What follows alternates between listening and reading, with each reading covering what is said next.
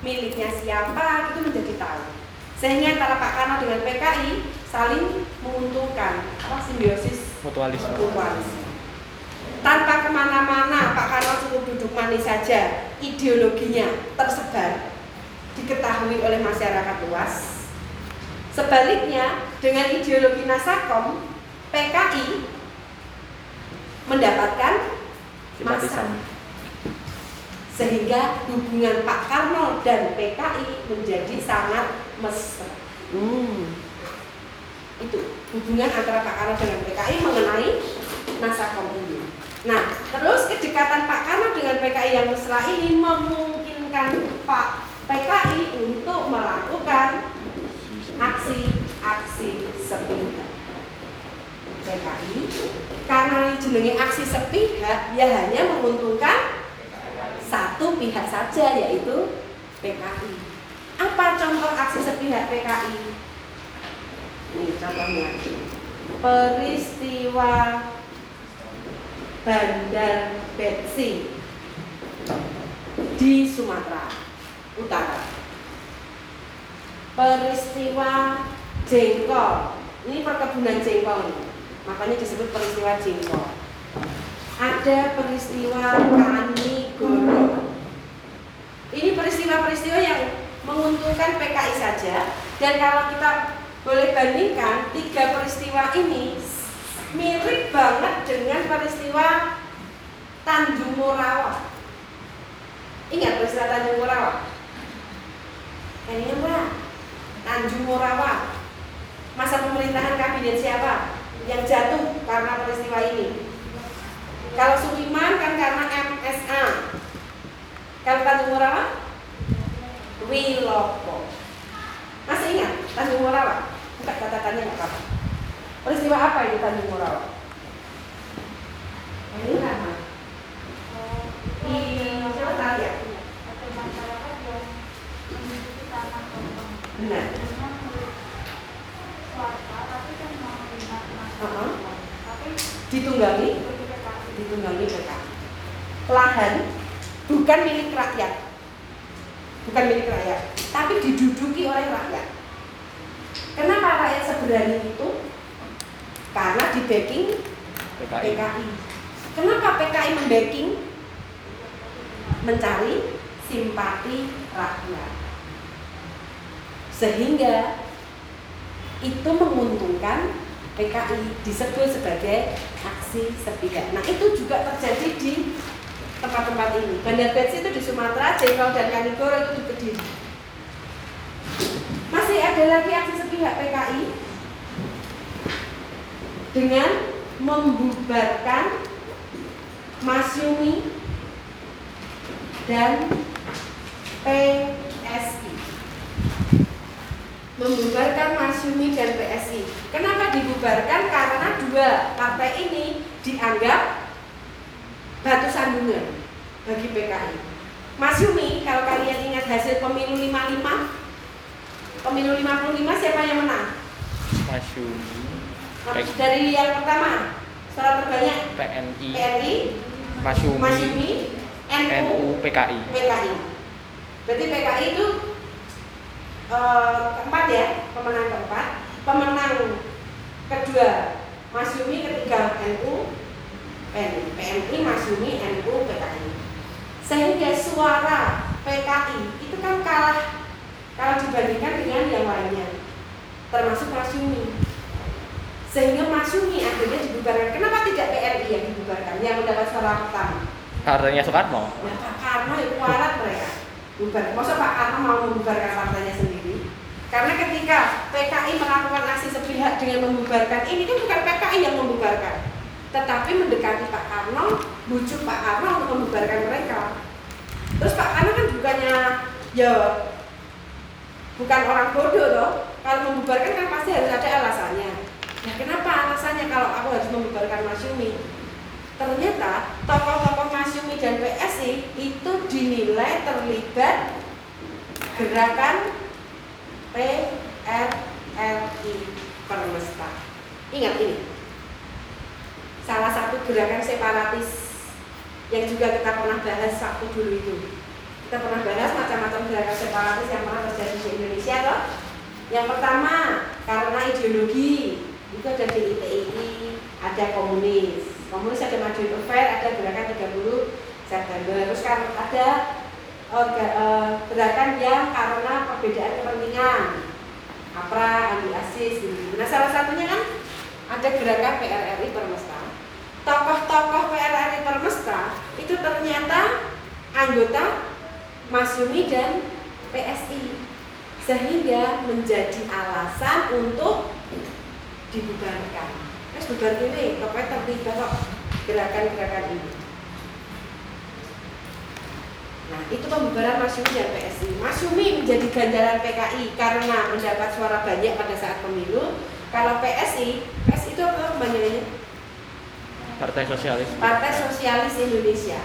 Sosialis Komunis. Ini kan 11-12. Duluran. Sama-sama memperjuangkan rakyat. Sama-sama menginginkan persamaan kepentingan rakyat. Sama rata, sama rasa. Cuma kalau PSI sosialis itu cenderung kompromis, bisa dinego gitu, bisa pinjam. Kalau komunis itu cenderung anarkis bahkan menghalalkan segala cara, nggak setuju sikat, nggak mau buang, nggak melawan, eh, melawan ciduk, siksa, bunuh, penggal kepalanya banyak tuh para ustadz yang dipenggal kepalanya oleh PKI yang dibunuh. Al-Quran diinjak-injak itu aksi-aksi sepihak pada saat film gerakan 30 September itu. Makanya kemudian banyak yang mengatakan komunis itu ateis, sebetulnya enggak. Mereka juga beragama, cuma ketika mereka melancarkan gerakannya, mereka nggak pandang bulu. Menghalalkan segala cara, yang penting tercapai tujuan. Nah, nah aksi sepihak PKI yang berikutnya harusnya di sini. Tapi saya masukkan ke poin yang ke-8 gerakan 30 September 1965. Ini aksi sepihak sekaligus bisa masuk ke penyimpangan pemerintah masa Orde Lama. Kenapa? Karena melanggar undang-undang. Melanggar Pancasila. Tujuannya memang mengganti Pancasila dengan ideologi komunis. Kan sebetulnya itu inti dari gerakan 30 September. Ingin mengganti Pancasila dengan ideologi komunis. Kenal dengan tokoh PKI Aidit. Aidit. Dipo Nusantoro Aidit. Di Nusantara. apa banget ya? Iya, namanya mirip. oh gitu. Iya. Dipo Nusantoro Aidit. Dia pernah pidato isinya begini. Pancasila sebagai ideologi bangsa Indonesia itu penting untuk mempersatukan Indonesia. Untuk menyatukan bangsa Indonesia senjatanya itu Pancasila. Tapi kalau bangsa Indonesia sudah bersatu ya wes rampung tinggalkan cari yang lain. Itu pidato Aidit sehingga gerakan 30 September itu intinya adalah ingin mengganti. Ideologi Pancasila dengan komunis. Nah, yang paling tidak setuju adalah Dewan Jenderal. Yang paling melawan dan yang paling tidak bisa dirangkul oleh PKI, yang paling tidak bisa dipengaruhi oleh PKI itu anggota Dewan Jenderal. Sehingga mereka yang akhirnya jadi sasaran untuk diculik, disiksa, disingkirkan. Dewan Jenderal. Dewan Jenderal juga yang tidak setuju dengan terbentuknya angkatan ke Lima. lima apa angkatan ke lima Mempersenjatai buruh dan dan petani. tani. Dewan Jenderal juga yang akhirnya menjadi sasaran kebohongan, sasaran hoax dokumen Gilchrist. Ini isinya sebetulnya hoax. Jadi dokumen ini dibawa PKI kepada Pak Karno. Isi dokumen itu, isinya itu adalah kudeta yang akan dilakukan oleh Dewan Jenderal dengan bantuan Inggris untuk menjatuhkan Pak Karno. Tapi itu bohong. Itu enggak enggak ada sebetulnya. Itu hanya bohong saja. Strategi PKI untuk menjatuhkan dewan jenderal di mata presiden. Nah, dengan dokumen itu PKI ke tempat Pak Karno mengatakan ini loh Pak Presiden ada dokumen seperti ini. Intinya mereka mau melakukan kudeta. Dan saat itu Pak Karno sudah nggak enak badan, sudah sakit toh. Mendapat kabar seperti itu rasanya dia Waduh, lur, lur. aku pikir loro malah ngomong masalah ini gitu loh. Akhirnya wes aku pasrah wes terserah mau diapakan mereka. Itu yang dikatakan Pak Kano kepada PKI ya kesempatan PKI untuk mencidik mereka gitu ya. Dan direstui oleh presiden kok terserah mau diapakan. Akhirnya 30 September. Ahmad Yani itu ya. Itu siapa? Nah kamu itu siapa? Ahmad Yani Es Parman. Es Parman. MT Haryono gitu kan diambil dari keluarganya. Ada yang sempat ganti baju ada yang ditembak di tempat. Kan film itu menjelaskan sehingga akhirnya muncullah peristiwa. Itu penyimpangan yang terjadi pada masa demokrasi terpimpin. Puncaknya adalah gerakan 30 September. Wes tambahannya hanya ini. Ya cuma itu toh yang belum itu yang kami bahas minggu lalu. Yang ketika kamu nggak bisa PJJ kayaknya karena waktu itu gangguan ini deh. Gangguan sinyal internetmu kayaknya sehingga tidak bisa dipakai waktu itu. Nah sekarang kita menuju ke sini. Kita mau main-main ke sini. Perjuangan bangsa Indonesia membebaskan Papua Papua sudah muncul sejak KMB. konferensi meja Bulan. Harusnya Papua dirundingkan setahun kemudian, betul kan? Di sini ternyata kan mulur, mulur, mulur, diulur, ulur, ulur terus sehingga pemerintah Indonesia sudah mulai apa ilfil ya kalau kami yang bilangnya ya. Akhirnya, dah kita harus tetap berjuang membebaskan Papua dengan masih pakai cara yang baik-baik. Perjuangan diplomasi.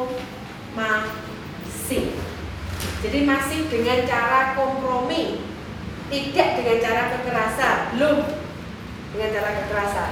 Nah, cara yang ditempuh waktu itu secara internal dulu yang pertama. Artinya dalam lingkup bangsa Indonesia sendiri dulu, lingkup dalam negeri itu menggunakan senjata ekonomi. Kita menggunakan senjata ekonomi untuk memukul Belanda. Tujuannya merugikan Belanda, menjatuhkan Belanda, membuat ekonomi Belanda terpuruk. Itu di sini. Nah, caranya bagaimana? Ada sempat data? Pinjam catatan namanya sudah? Benar.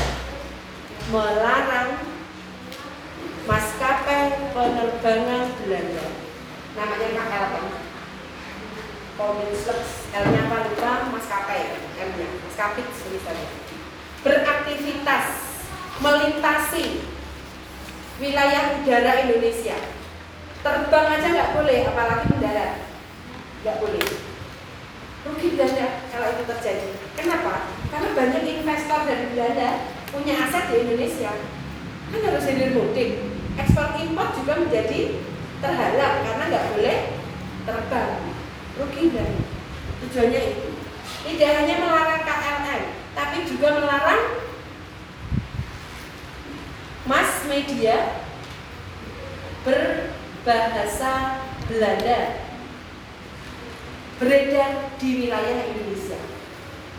Indonesia itu kan luas toh dari Sabang sampai Merauke Papua jadi perjuangannya loh. Belum ya, belum sampai sana ya. Tapi tetap saja loh dibandingkan Belanda. Sudah pernah jalan-jalan ke Belanda? Yang jadi? Besok ya ke sana ya. Kita semua jalan-jalan ke Belanda. Belanda udah matang loh. Belanda yang sudah pernah ke sana itu wilayahnya hanya seluas Pulau Bali. Belanda itu cuma seluas Pulau Bali. Kecil banget. Dibandingkan dengan Indonesia Maka kalau mass media berbahasa Belanda itu oplahnya di Indonesia pasti sangat Cuan. besar. Pasti keuntungannya banyak. Lah saiki dilarang raintok di blok wis. Ini masih media cetak ini. Kan belum seperti sekarang media elektronik. Ya nggak boleh. Yang ke berikutnya mogok kerja. Semua buruh karyawan pegawai yang bekerja di kantor instansi perusahaan perkebunan milik Belanda nggak boleh kerja, mogok kerja, biar tidak beroperasi, tidak berproduksi, rugi. Kemudian itu senjata kita. Jadi rasa sing-sing. Ini kok PWS membuat Belanda rugi.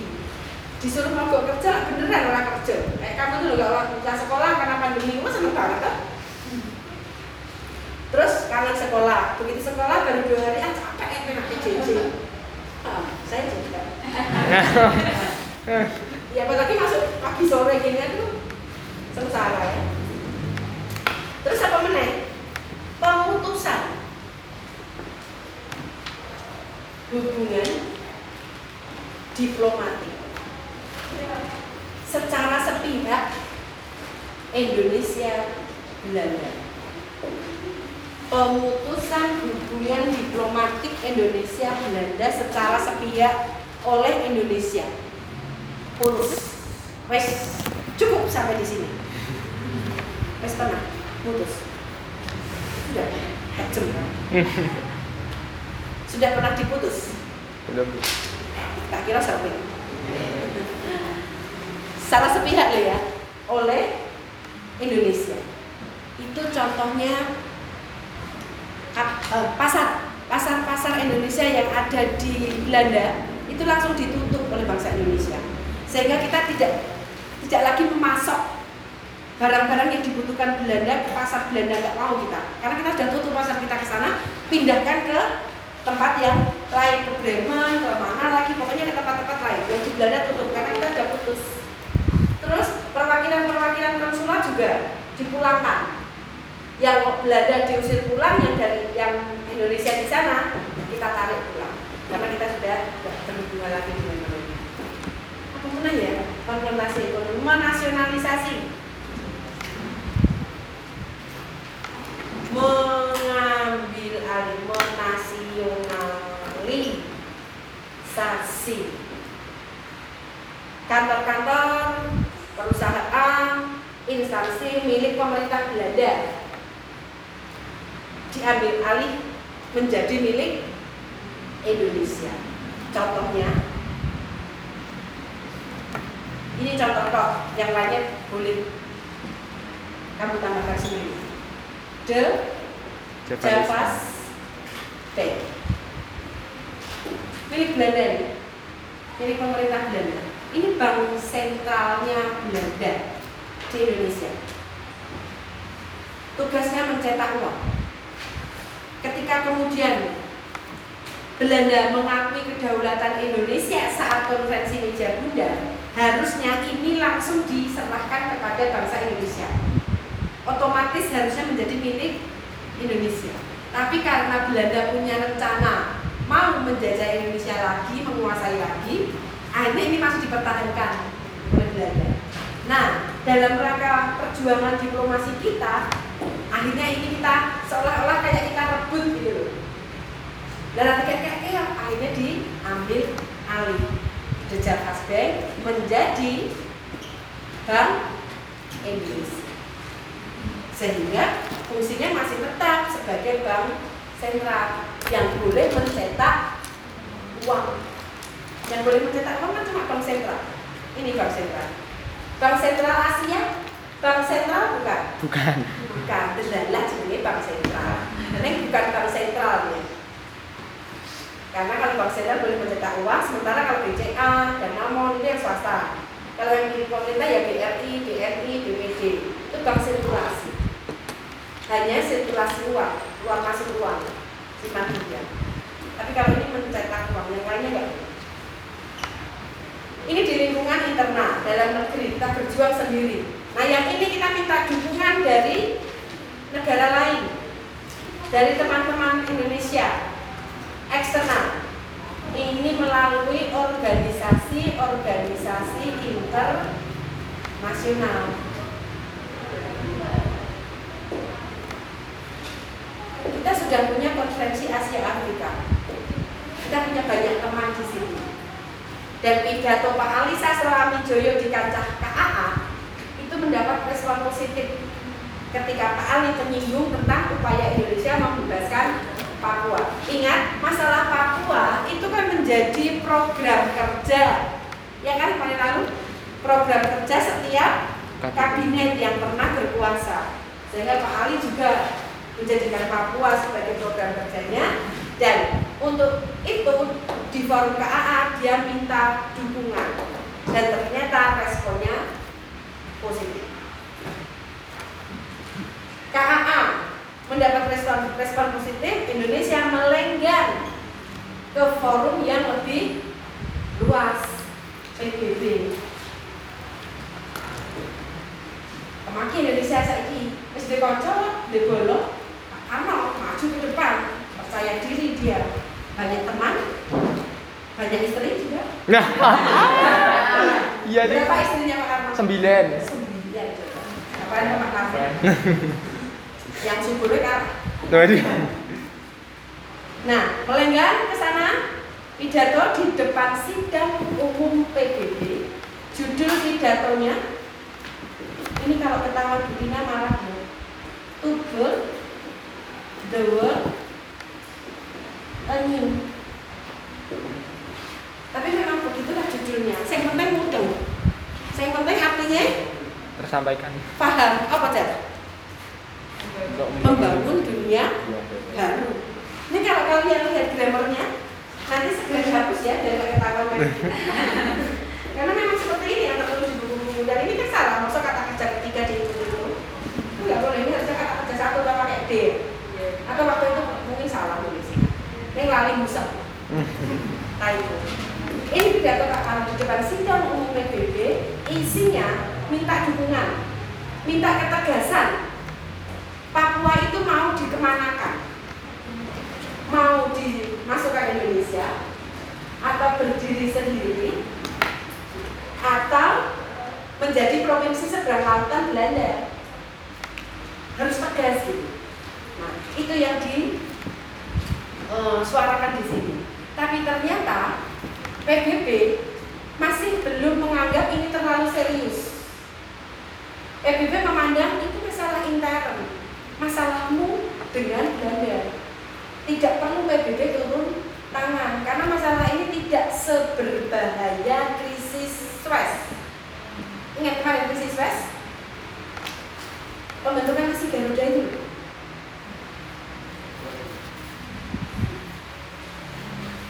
Televisi dulu, yang krisis Suez. Yang PJJ belum. Hah? Yang PJJ belum? Yang PJJ belum. Itulah ruginya PJJ ya ternyata ya. Kamu banyak ketinggalan. Jadi kita kan pernah membuat membentuk misi Garuda tuh, misi perdamaian. Nah, kenapa kita membentuk misi perdamaian PBB? Karena kita ingin mewujudkan politik luar negeri kita yang bebas aktif, serta mewujudkan perdamaian dunia. Ketika di timur di timur tengah di Mesir khususnya terjadi krisis Suez, yaitu ketika dinasionalisasikannya terusan Suez oleh Mesir, marah dunia karena itu milik internasional kok diambil alih Mesir menurut sehingga yang paling marah itu Inggris, Prancis dan Israel. Inggris, Prancis karena mereka punya saham besar atas terusan Suez. Kalau dinasionalisasikan oleh Mesir kan merugi mereka. Kalau Israel karena ini musuh Mesir. Ini anggota PLO untuk melawan Mesir. Eh, apa? Mesir anggota PLO. PLO terbentuk untuk menghadapi Israel. Jadi Israel itu musuh Mesir. Israel, Inggris, Prancis melawan Mesir. Kalau ada Inggris, Prancis, Israel, Amerika pasti turun tangan. Kalau Amerika turun tangan, nanti pihak yang ini pasti dibantu Uni Soviet. Hmm. Karena Amerika dan Uni Soviet sedang perang dingin. Wes terancam perdamaian dunia. PBB turun tangan. Singkatnya begini. Tapi cerita saya waktu itu satu jam penuh. Hmm. Tapi kamu nggak dengar. Ya wes nggak apa-apa, nanti kapan-kapan ya. Nah, ini tidak segenting itu menurut PBB. Jadi PBB tidak perlu harus turun tangan, selesaikan saja dulu sendiri. Tapi kan Indonesia sudah nggak sabar, gemes banget Indonesia kan?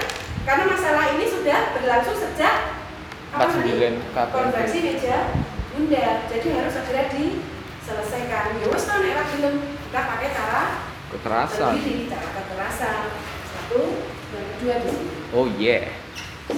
yaitu perjuangan fisik. Wes, dengan cara baik-baik nggak bisa, sekarang kita pakai cara kekerasan. PBB ya iso dijaga ke, ya wis tau ngono ae. Wes. Siapa takut, nah, apalagi Pak Karno jargonnya aja ganyang Malaysia. Terus ini apa jargonnya ada Malaysia? Yang gue ya. Kita kan cinta jargon. Wes, ini fisik. Dalam rangka itu, pemerintah mencanangkan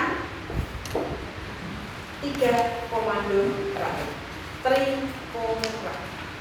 Isinya gagalkan pembentukan negara Bhinneka Papua.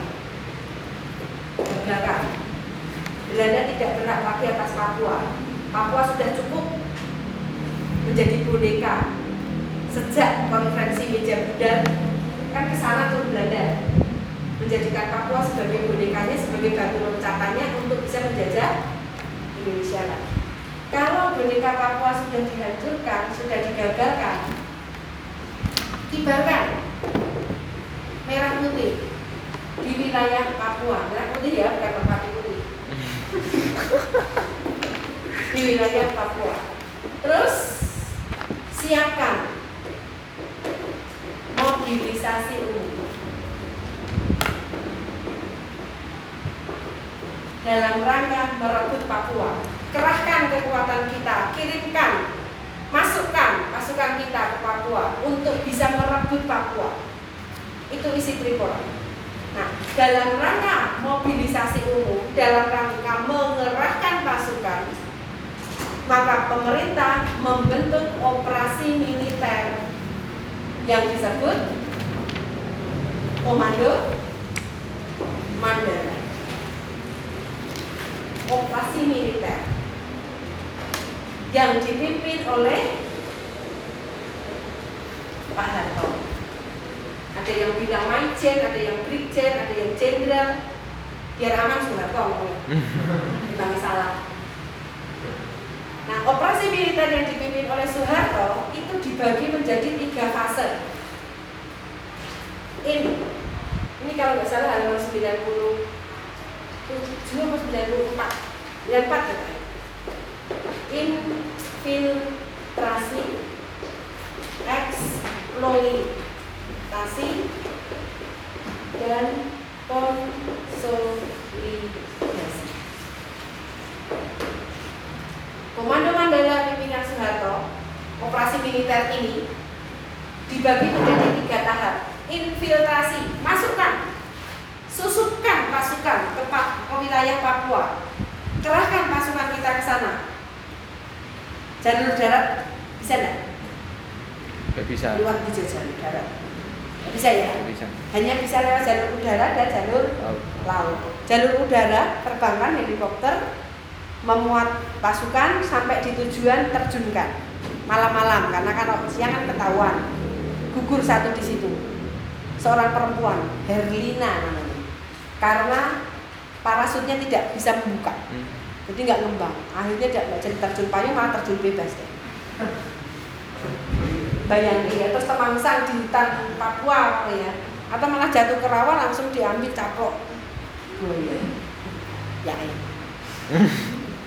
terus itu jalur udara. Jalur lautnya Yosudarso yang gugur. 03 ya. Jadi akhirnya nama Salatiga tertulis loh di buku-buku sejarah. Berkat Yosudarso yang meninggal.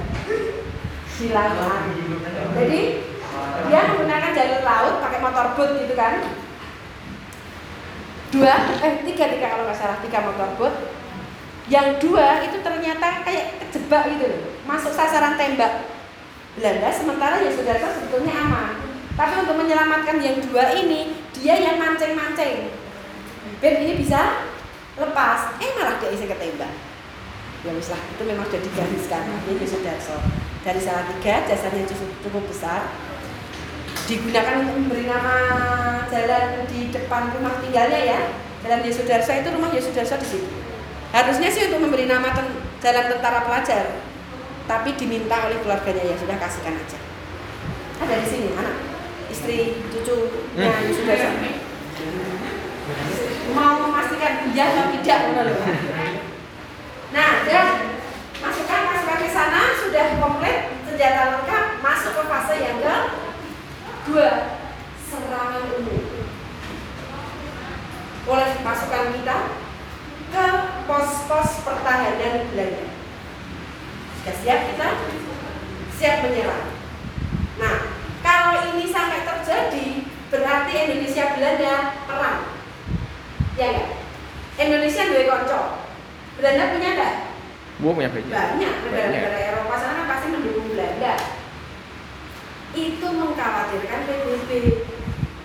Wah, berarti harus turun tangan PBB. Mau nggak mau, tadi kan belum nih, belum serius. Sekarang oh ternyata sudah seserius itu.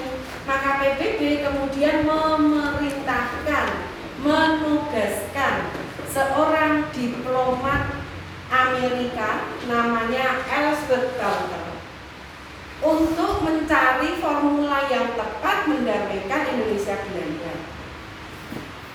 Nah, Bunker kemudian membuat rencana, membuat konsep yang kemudian kita kenal dengan Bunker Plan. Di mana Bunker Plan ini akan direalisasikan, ditandatangani oleh kedua pihak yang bersengketa dalam sebuah kesepakatan yang disebut persetujuan New York. Jadi bunker plan itu embrionya persetujuan New York. Persetujuan New York itu realisasi dari bunker plan. Isinya apa? Bunker menyatakan Papua yang paling berhak Indonesia. Sehingga Belanda harus menyerahkan Papua kepada Indonesia. Tentu saja melalui banyak tinjauan historis, geografis itu bahkan menyatakan Indonesia yang lebih berhak sehingga harus diserahkan Belanda kepada Indonesia. Tapi kalau Belanda langsung menyerahkan kepada Indonesia, harga diri Belanda jatuh. Seolah-olah kayak Belanda dipermalukan gitu kan. Padahal Belanda anggota PBB harus diselamatkan namanya. Maka kemudian PBB turun tangan dengan membentuk Komisi Jasa Baik PBB tentang Papua. Namanya UNTEA. UNTEA, Komisi Jasa Baik atau otoritas PBB untuk Papua. Badan otoritas PBB untuk untuk Papua. United Nation Temporary Executive Authority. Di buku sudah. Apa intinya? Bagaimana fase-fase penyerahannya? Ini. Selambat-lambatnya 1 Mei 1963 bendera Belanda batas akhir pengibaran. Setelah itu harus didampingi bendera PBB. Ini masih bendera Belanda. Setelahnya bendera Belanda harus didampingi bendera PBB. Setelahnya, jadi ada tahapan-tahapannya ya, masa-masanya gitu. Setelah ini bendera Belanda harus turun, digantikan merah putih. Setelah fase yang ditentukan habis masa waktunya, masa berlakunya PBB yang turun yang turun benderanya tinggal merah putih.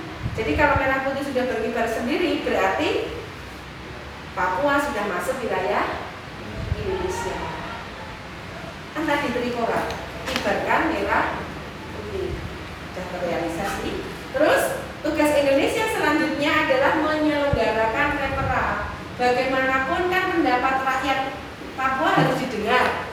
Mau bergabung ke Indonesia, mau berdiri sendiri, atau mau jadi bagian kerajaan Belanda harus diadakan penentuan pendapat rakyat.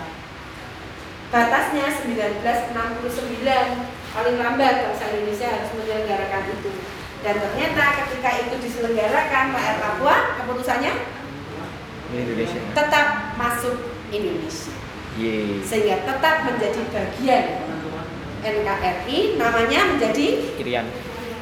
Ikut RI anti Netherlands selesai. Ngebut ya kita ini. Saya kasih kesempatan untuk bertanya.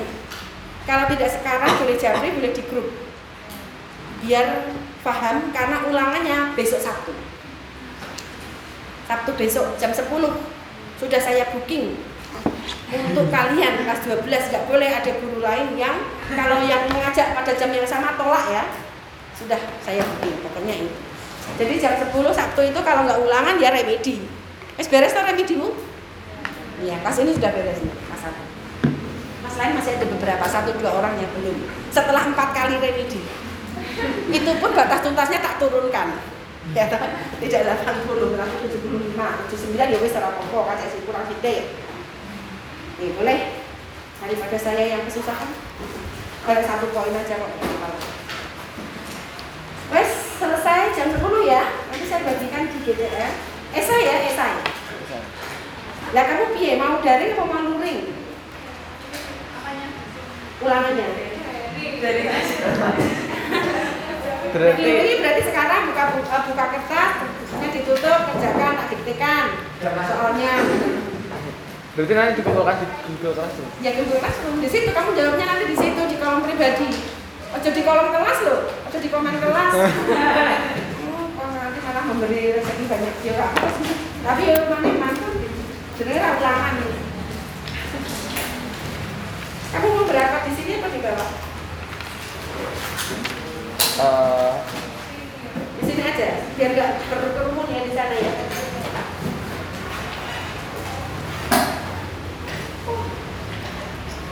Dan selesai.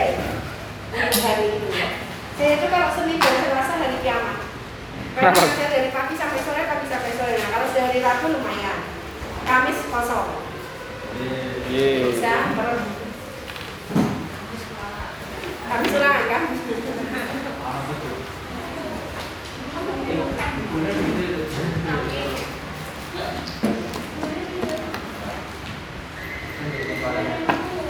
Satu, dua, tiga, empat, lima. Yang nggak masuk siapa?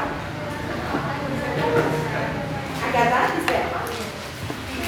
Agatha tak ya? Banget berarti ya.